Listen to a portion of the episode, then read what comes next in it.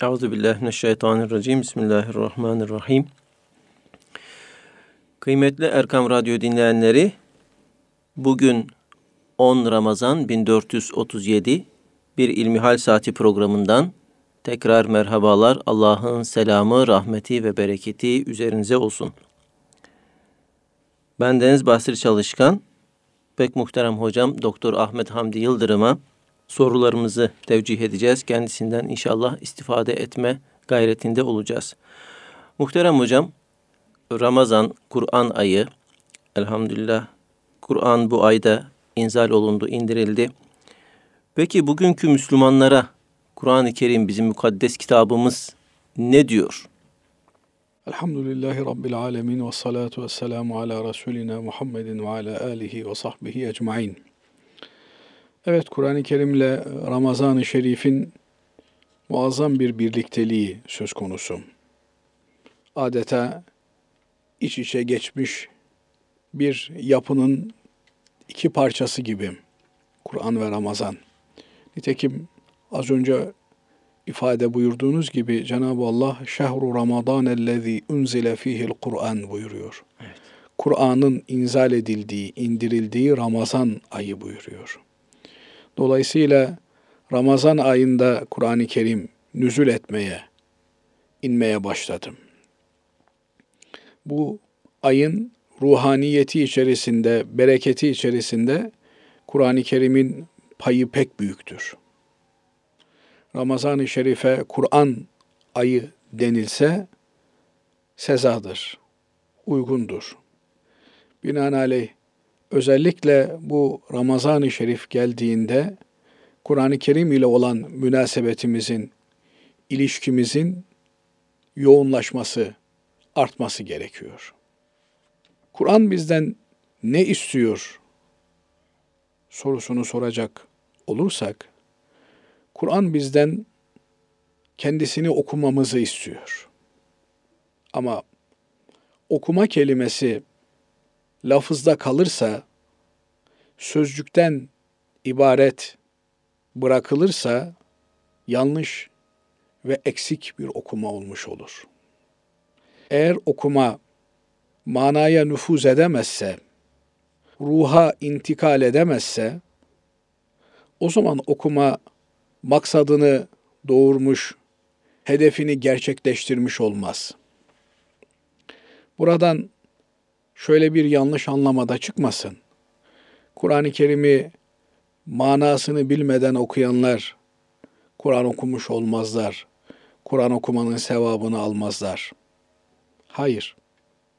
Kastettiğimiz mana Kur'an-ı Kerim'in lafızlarının mücerret manası değil. Elbette Kur'an-ı Kerim'in lafızlarının mücerret manasını anlamak, onun ruhuna intibak edebilmek, inebilmek için çok önemlidir. Fakat burada anlatmaya çalıştığımız, anlamaya çalıştığımız mana bunun çok daha derununda, içinde gizli olan, saklı olan manadır. Kur'an-ı Kerim şairimiz Mehmet Akif Ersoy'un da dediği gibi ya açıp okuruz bir ölünün ruhuna ya da fal bakmak için dizeleriyle dile getirdiği ölülerimize sadece gönderdiğimiz bir kitap değildir. Kur'an-ı Kerim hayata hitap eden, hayatın içine giren, hayatı şekillendiren, hayata anlam katan bir kitaptır. Elbette bu Kur'an-ı Kerim'i okurup sevabını kazanırız. Kazandığımız bu sevabı ölülerimize, geçmişlerimize, merhumlara hediye olarak göndeririz. Buradan Kur'an-ı Kerim ölüler için inmiş bir kitap değildir sözünden Kur'an-ı Kerim okuyup ölülere gönderilmez anlamı çıkmamalı. Çıkmaz. Evet. Fakat Kur'an-ı Kerim'i okurken insan bir haleti ruhiye içerisinde olmalı. Alemlerin Rabbinin huzurunda olduğunun farkında olmalı. Kur'an'ın kendisine hitap ettiğini idrak etmeli.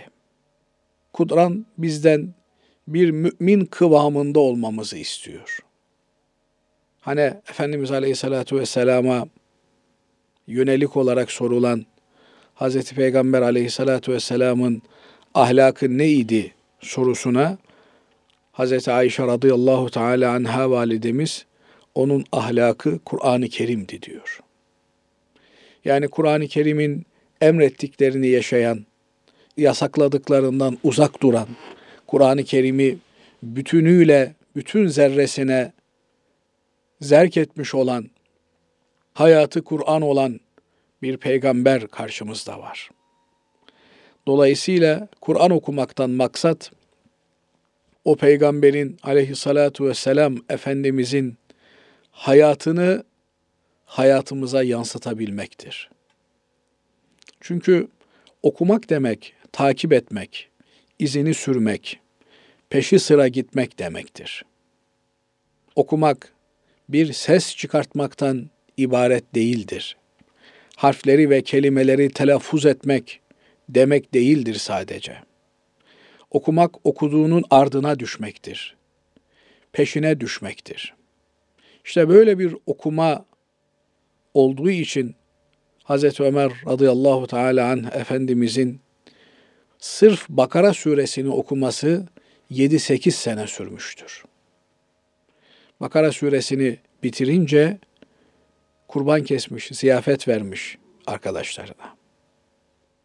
Ama bu okuma ardına düşerek, takip ederek bu ayet ne söylüyor? Ne anlatıyor? Bu ayetin anlattığı, verdiği mananın ben neresindeyim? Bunu idrak etmeli bir mümin. Kur'an-ı Kerim el evvelun diyor. Önden gidenler. Herkesi arkada bırakıp arayı açıp gidenler, tur bindirenlerden bahsediyor. Buralardan bahsederken ben neredeyim acaba? Ahireti kazanmış olanlardan bahsediyor. Büyük kurtuluşu elde etmiş olanlardan bahsediyor. Ben acaba bu büyük kurtuluşu elde edebildim mi? Tüm mesele Kur'an-ı Kerim'le okumamızın, Kur'an-ı Kerim'le yüzleşmemizin interaktif ve sorgulayıcı bir yüzleşme olmasıdır. Biliyorsunuz hemen Kur'an-ı Kerim'in başında Cenab-ı Allah Bakara suresinde Elif, La, Mim, Zalikel kitabu la raybe fih huden lil muttakin buyuruyor. Elif, La, Mim. Şu kitap hakkında hiçbir tereddütün, şüphenin olmadığı kitaptır. Ve müttakilere hidayettir. Demek ki Kur'an-ı Kerim herkese hidayet olmuyor. Herkese kendini açmıyor. Herkese sırlarını faş etmiyor. Kur'an-ı Kerim'i anlayabilmek, idrak edebilmek, hidayetine kavuşabilmek için muttaki olmak gerekiyor. Şayet her okuyan Kur'an-ı Kerim'den istifade etmiş olsaydı, hafızlarımızın çoktan almış başını gidiyor olmaları lazım gelirdi. Ama işin hakikati okumak lafızda kaldığı zaman, zahirden ibaret kaldığı zaman, ruha, deruna, iç aleme intikal etmediği zaman o okuma okuma kabul edilmiyor. O gözden geçirme kabul ediliyor. Buradaki okuma sorgulayıcı bir okuma olmamalı. Buradaki okuma baş üstüne ne emredersen canımla başımla diyen bir okuma olmalı.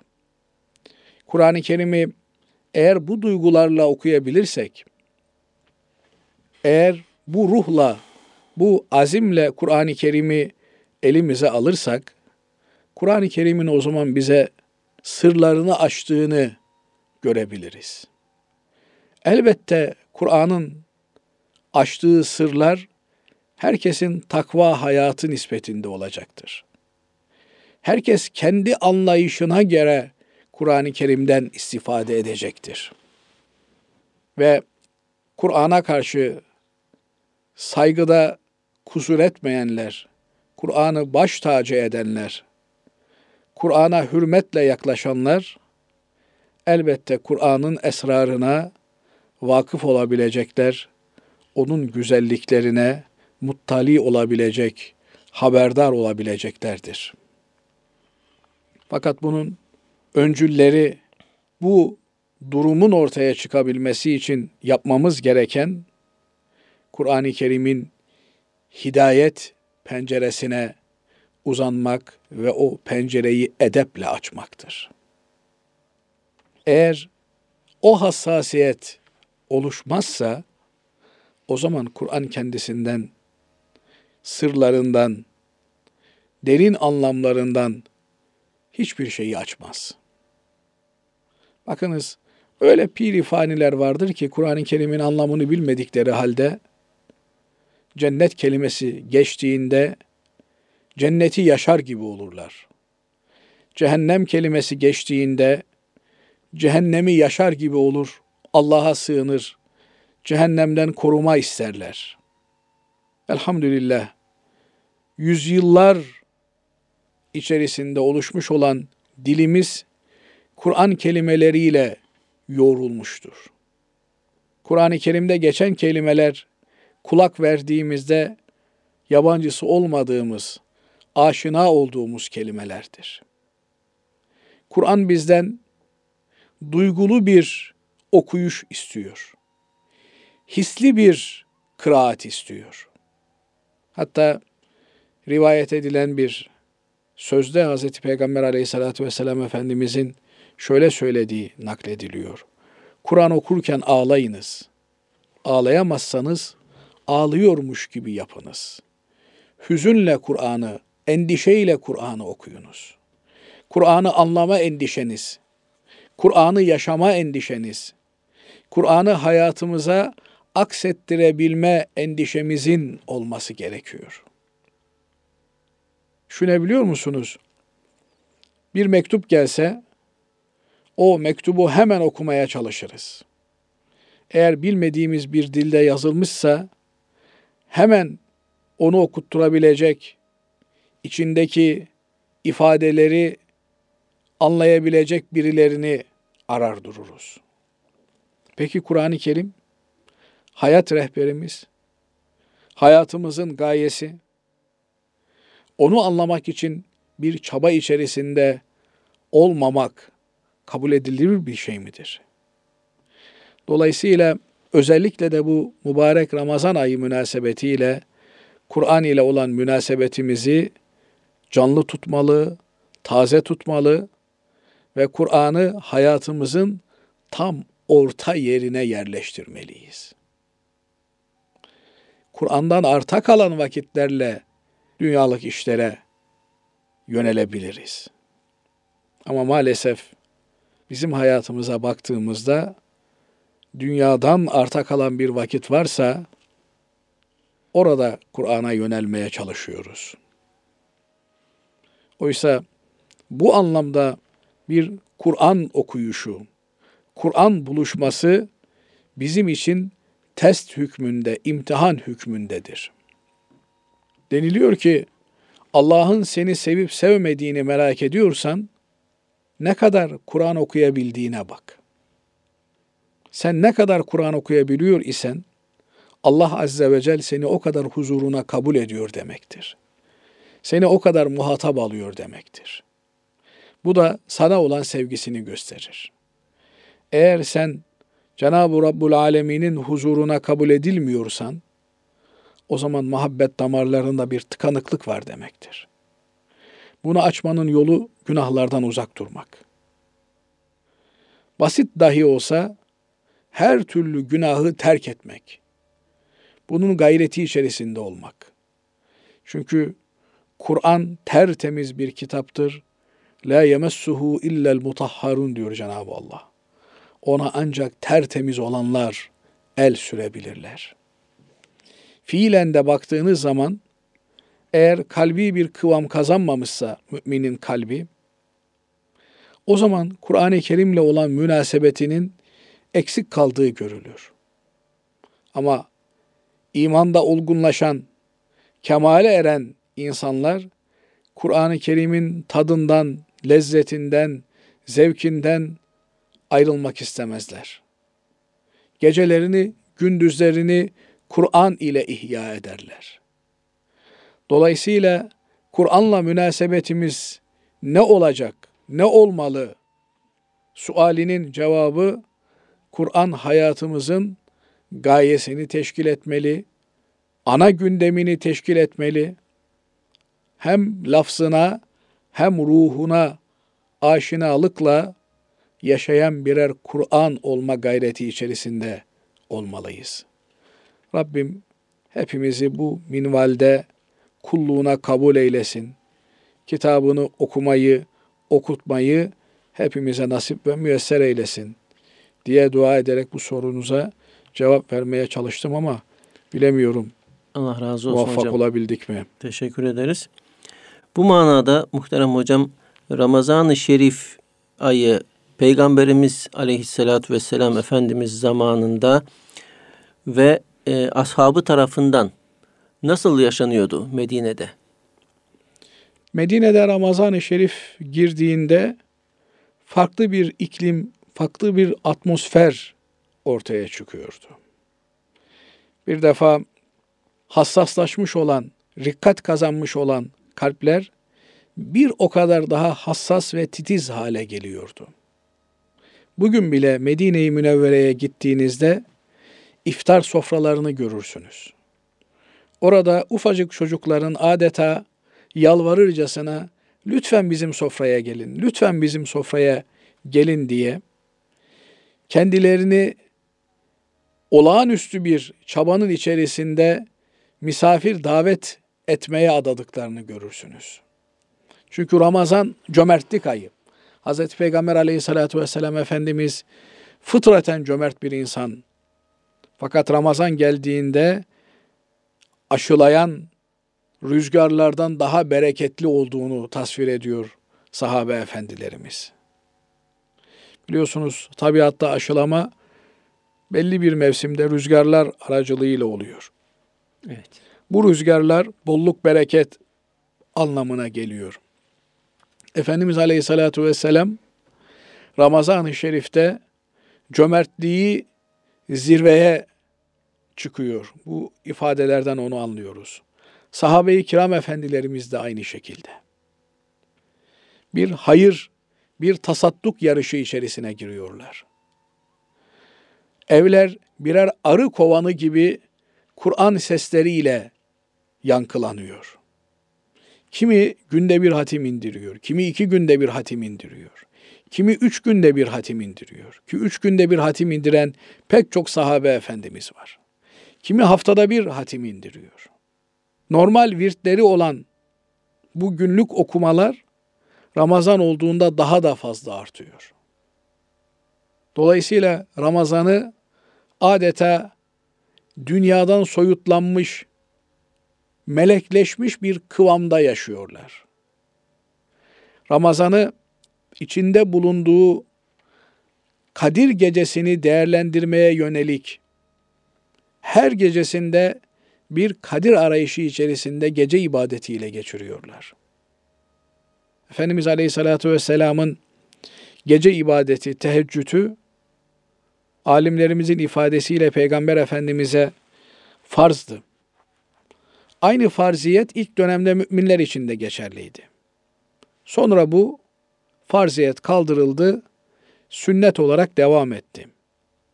Ama sahabe-i kiram efendilerimiz daha fazla gece ibadetine yöneldiler. Çünkü bir farz binler kazandırıyor, nafile ile farzın kazandırdığını yakalamak kolay olmadığı için daha fazla nafileye yöneldiler. Efendimiz Aleyhisselatü Vesselam gece dolaşmaya çıktığında sahabe evlerinden Kur'an sesleri, namaz kılma edalarının geldiğini işitiyordu. Dolayısıyla bir hayır iklimi olan Medine-i Münevvere Ramazan'la hayrın zirve yaptığı, doruğa çıktığı bir iklimi, bir atmosferi yaşıyordu. Bugün de hakikaten Medine-i Münevvere o iklimden yansımaların görüldüğü bir havayı yaşamak isteyenlerin sığınacakları asude bir liman. Fakat sadece Medine-i Münevvere değil, bütün evlerimizin o asude liman haline gelmesi gerekiyor. İftarlarımızla, sahurlarımızla, gece ibadetlerimizle, Kur'anlarımızla, namazlarımızla, teravihlerimizle bu ay cömertliğin, ibadetin, diğer gamlığın, ikramın, sadakanın hakikaten zirve düzeyinde yaşandığı bir ay olmalı. İşte ilk onu gitti. Evet. Rahmet kısımları gitti. Bu ilk günde rahmetin içerisine girebilenlerden olmuşuzdur inşallah. İnşallah. Bunu yaptığımız yarım yamalak ibadetlerle hak etmemiz mümkün değil. Ama Cenab-ı Allah'ın lütfu, keremi ve ihsanı büyük, geniş. Onun rahmetine iltica ediyoruz. İnşallah bize de rahmetinden esintiler gelmiştir diye niyaz ediyoruz, ümit ediyoruz. Allah razı olsun muhterem hocam. Muhterem hocam şöyle bir sorumuz var. Günah işlememize şeytanlar sebep olduğuna göre Ramazan'da bağlı olan bu şeytanlar nasıl günah işlememize sebep oluyor? Evet, günah işlememize sebep olan sadece şeytan değil. Elbette şeytan kışkırtıcı bir unsur. Şeytan bizim düşmanımız.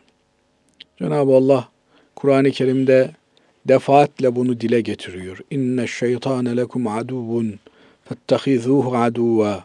Şeytan sizin düşmanınızdır. Onu düşman belleyiniz. Aman ha, onun sizin en büyük düşmanınız olduğundan gafil olmayınız. Fakat böyle olmasına rağmen maalesef çoğu zaman şeytandan gafil yaşıyoruz. Fakat biz ondan gafiliz diye o bizden uzak yaşamıyor. Haşr suresinde Cenab-ı Allah bir misalle bu durumu anlatıyor. Kemetheli şeytan. Şeytanın misalini veriyor. İz kâle lil insâni kfur. İnsana musallat olur.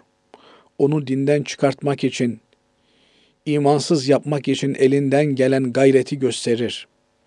Ona kafir ol der. Din filan bu dönemde lazım değil der. Bir sürü şüpheyi, fitneyi, fesadı aklına getirir.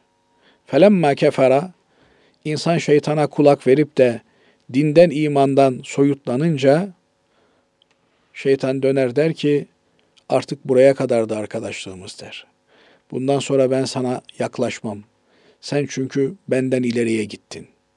Ben alemlerin Rabbi Allah'tan korkarım der.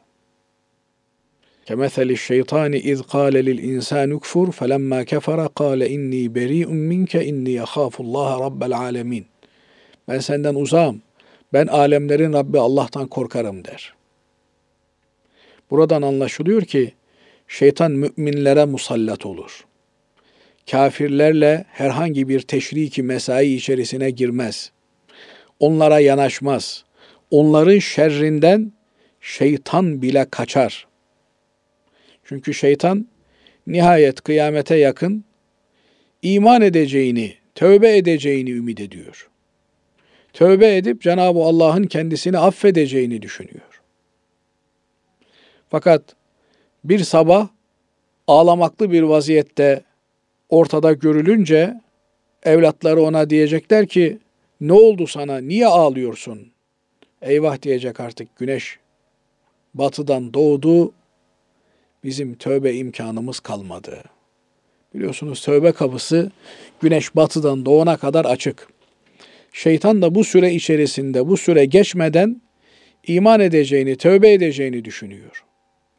Fakat maalesef birçok gafil insanın yaptığı gibi gençliğimde günah işleyeyim işte ihtiyarlayınca tövbe ederim. Hayatımı yaşayayım, hayatımın tadına bakayım. ölüm gelmeden tövbe ederim ama öyle olmuyor maalesef. İnsan yaşadığı gibi yaşlanıyor, yaşlandığı gibi ölüyor, öldüğü gibi diriliyor. Cenab-ı Allah hepimize uyanışlar, intibahlar nasip eylesin. Amin.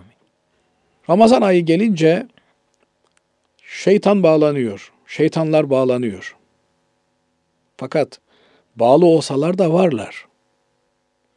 Dolayısıyla şöyle bir benzetmeyle anlatacak olursak azılı köpeklerin bir yerde bağlı olduğunu düşünün. Bahçeye girebilirsiniz. Köpekler bağlı. Size zarar vermezler. Ama siz onların üstüne üstüne giderseniz, iplerinin yetişeceği mesafenin içerisine girerseniz, o zaman sizi parçalarlar. Ya nasıl oldu da bağlı köpekler bu adamı parçaladı?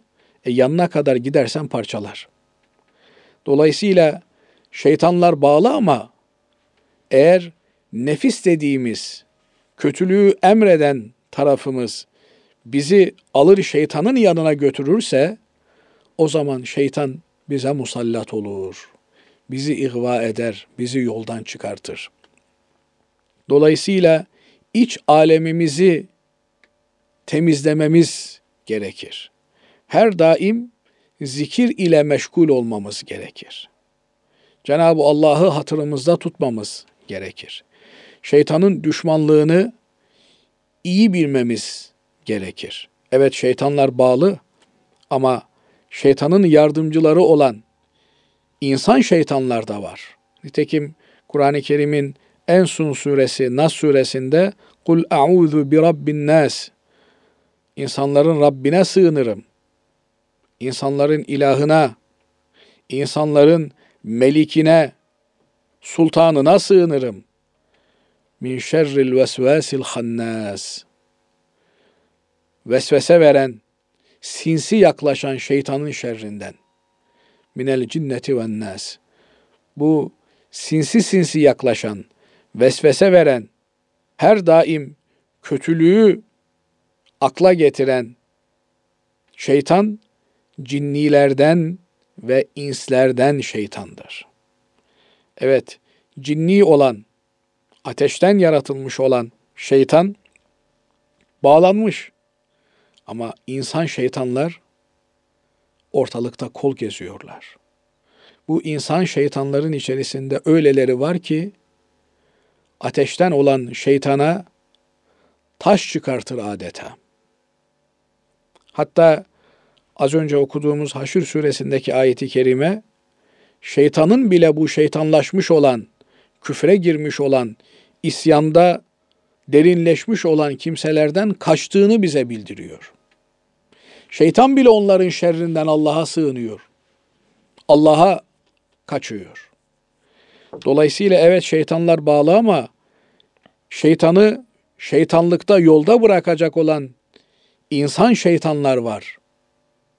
Baktığınız zaman basın yayınından internet dünyasına, internette oynanan oyunlara, efendim televizyonların, modanın, karanlık çukurlarına binlerce şeytan heytelek diyor. Gel diyor. Gel diye çağırıyor.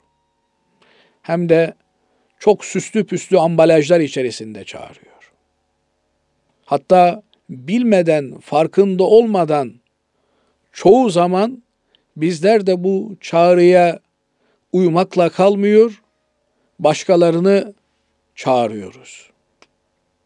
Farkında olmadan modayı teşvik ediyoruz. Farkında olmadan dünyevileşmeyi birbirimize teşvik ediyoruz. Dolayısıyla evet şeytanlar ateşten olan şeytanlar bağlı ama insanın şeytanlaşmışı şeytanın şeytanlığının ilerisine geçince daha zararlı hale geliyor. Dolayısıyla Efendimiz Aleyhisselatü Vesselam haramlar belli, helallar belli, aralarında şüpheli şeyler var.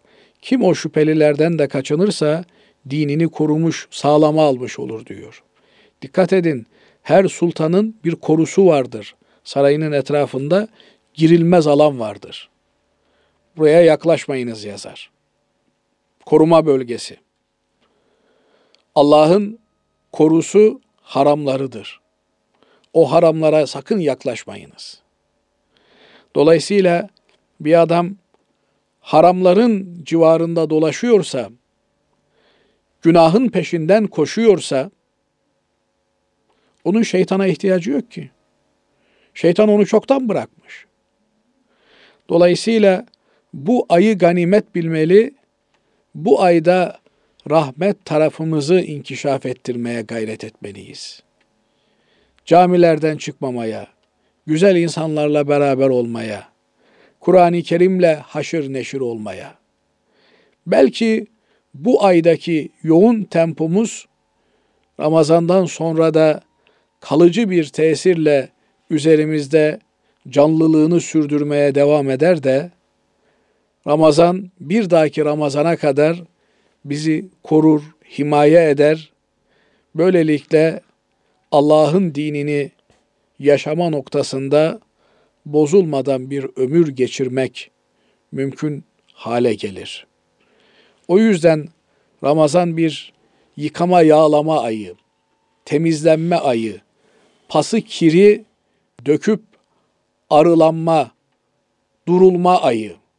İnşallah bu rahmet, mağfiret ve azatlık mevsiminden bolca istifadeleri Cenab-ı Allah bizlere, sizlere, bütün dinleyenlerimize, bütün Müslümanlara nasip ve müyesser etsin.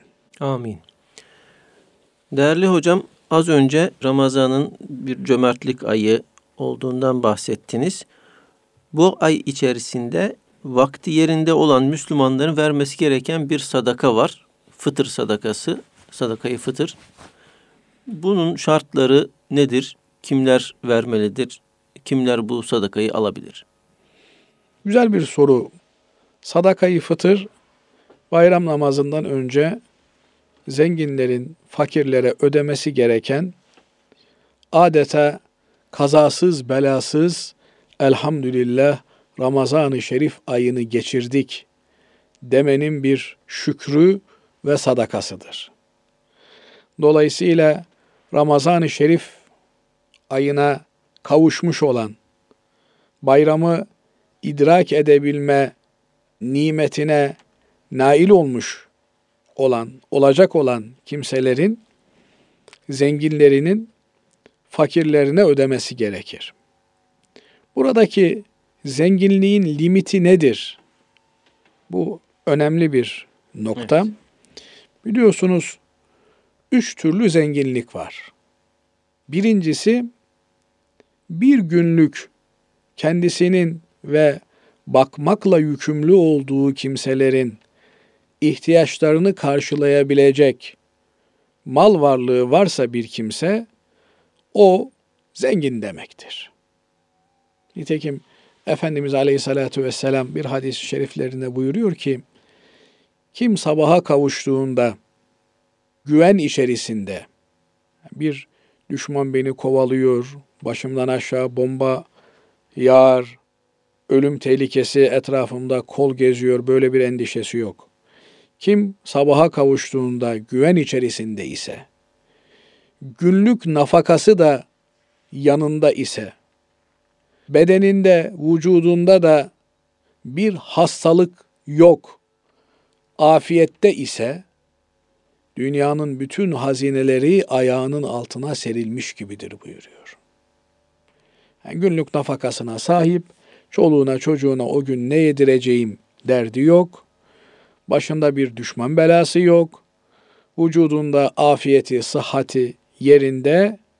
Hani Sultan Süleyman'ın da dediği gibi sağlıkla ilgili, sıhhatle ilgili cihanda muteber bir nesne yok devlet gibi olmaya devlet bir nefes sıhhat gibi yani bir nefes sağlıklı yaşamak, güven içerisinde yaşamak hem gıda açısından hem de can endişesi açısından güven içerisinde olmak büyük bir zenginlik. Böyle bir zenginliği olan bir kimsenin kapı kapı dilenmesi sokaklara çıkıp para istemesi caiz değildir. Bu birinci zenginlik. Fakat günlük zenginliğe sahip olan bir kimseye sadakayı fıtır verilir. Fitre verilir, zekat verilir. Kendisi isteyemez. Ama bir aylık, bir yıllık nafakası olmadığı için dışarıdan istemeden kendisine verilenleri alabilir. Evet. İkinci zenginlik ise bu zenginlik kendi ve bakmakla yükümlü olduğu kimselerin bir aylık, bir yıllık ihtiyaçlarını karşılayabilecek kadar mal varlığı üstünde 80 küsür gram altın veya altın gibi olan mal varlığı bulunuyorsa bir kimse, bu kimse de zengin sayılır ve bu kimsenin üzerine bir takım yükümlülükler terettüp eder. Birinci terettüp eden yükümlülük sadakayı fıtır vermesidir. Kurban kesme mükellefidir. Ayrıca bu kimse kendisine istemeden de verilse verilen zekatı alamaz. Dolayısıyla bu tür bir zenginlikte sahip olunan zenginliğin, malların, servetin artıcı olması, üzerinden bir yıl geçmesi gibi zekat verme mükellefiyetini doğuran zenginlikte aranan şartlar burada söz konusu değildir. Söz gelimi bir tane arabası var bindiği, bir tane daha arabası var yedekte duruyor. O araba onu zengin yapar. O araba ikinci kullanmadığı araba durduğu sürece sadakayı fıtır vermesi gerekir, kurban kesmesi gerekir. Efendim zekat olarak verilen kendisine malları almaması gerekir. Üçüncü zenginliğimizde bu ikinci zenginliğin keyfiyetli, nitelikli bir durumda olması demektir. Yani sahip olduğumuz 80 küsür gramlık veya ona eş değer mal varlığının artıcı mahiyette olması ya altın, para, gümüş gibi bizatihi artma kabiliyeti olan veya ticaret malı gibi kendiliğinden nemalanabilen bir şey olması halinde zekat mükellefiyeti doğar. Binaenaleyh ikinci ve üçüncü sınıf zenginliğe ulaşmış olanlar ki ikinci sınıf zenginlik rahat ulaşılabilecek bir zenginliktir. Çünkü söz gelimi e, kenara duvara iki tane kullanmadığınız halıyı dikmişseniz e, bu nisabın içerisine girecek demektir. Dolayısıyla bu tür zenginlerin sadakayı fıtır vermesi gerekir. Kime verecekler? İşte yoksul olan, günlük yiyeceğini dahi bulamayan veya ancak günlük yaşayabilen Müslümanlara bunu vermeleri gerekir. Zengin olan kimseler hem kendileri hem de bakmakla yükümlü oldukları ev halkı, hane halkı adına bu sadakayı fıtrı verecekler. Mesela ben üç çocuklu bir aile reisiyim. Dolayısıyla eşimle beraber kendim de dahil olunca beş kişilik sadakayı fıtır vereceğim. Sadakayı fıtrı yani fıtır sadakasını Diyanetimiz 15 lira asgari limit olarak belirledi. Fakat bu 15 lira asgari limittir. Dolayısıyla 5 kişilik bir aile adına ödeneceğinde 5 çarpı 15 75. 75 lira ödenmesi gerekir. Fakat geçim seviyesi yüksek olan ne bileyim iftarını zengin bir menüyle yapan kimseler onlar kendi konumlarına ve zenginliklerine göre bunu tayin etmeliler. Dolayısıyla 15 liralık asgari limit yerine işte herkes kendi konumuna göre kimi 20 lira, kimi 30 lira, kimi 50 lira, kimi 200 lira olarak bunu vermeye çalışmak gerekiyor. Ramazan bayramı öncesinde vermek suretiyle de bütün ümmeti Muhammed'in bir mahalledeki, bir beldedeki bütün Müslümanların Ramazan sevincini ortak yaşamaları arzu edilmektedir. Dolayısıyla çoluğuna çocuğuna bir şey almak isteyen ve imkanı olmayan kimseler de etraftaki Müslümanların, imkanı olanların verdikleri bu sadakayı fıtırlarla çoluğunu çocuğunu sevindirme imkanı söz konusu olacaktır. Herkesin sevinmesi kendi düzeyinde olacağından Ramazana, bayrama herkes bir sevinç haliyle girecektir.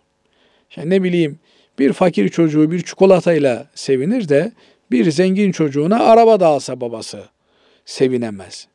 Dolayısıyla Cenab-ı Allah eğer bu hayattan, dünyadaki yaşadığımız şu hayattan maksat mutlu olmaksa herkese eşit dağıtıyor bunu.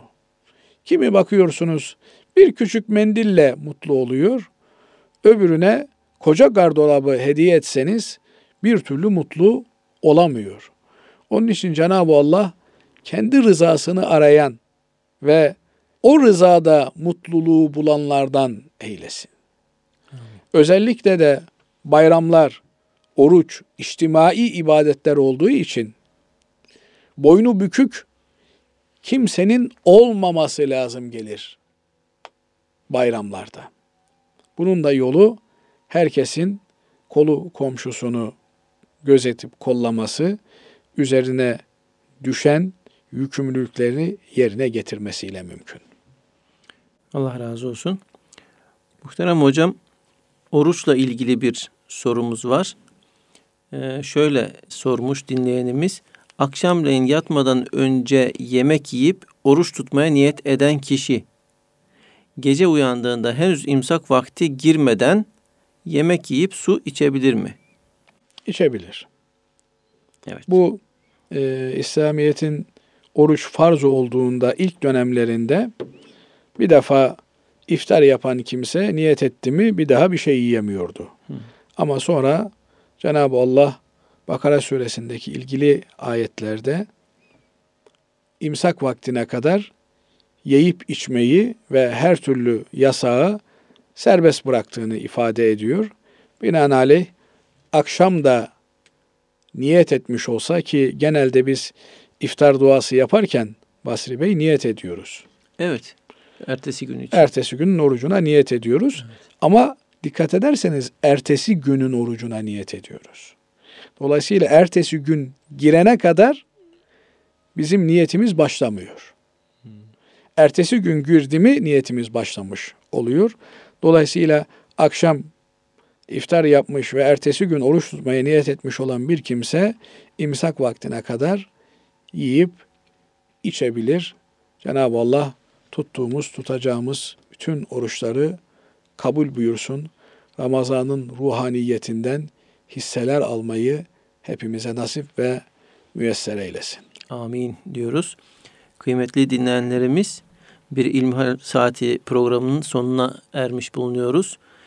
Bir sonraki hafta tekrar buluşmak dileğiyle Allah'a emanet olunuz.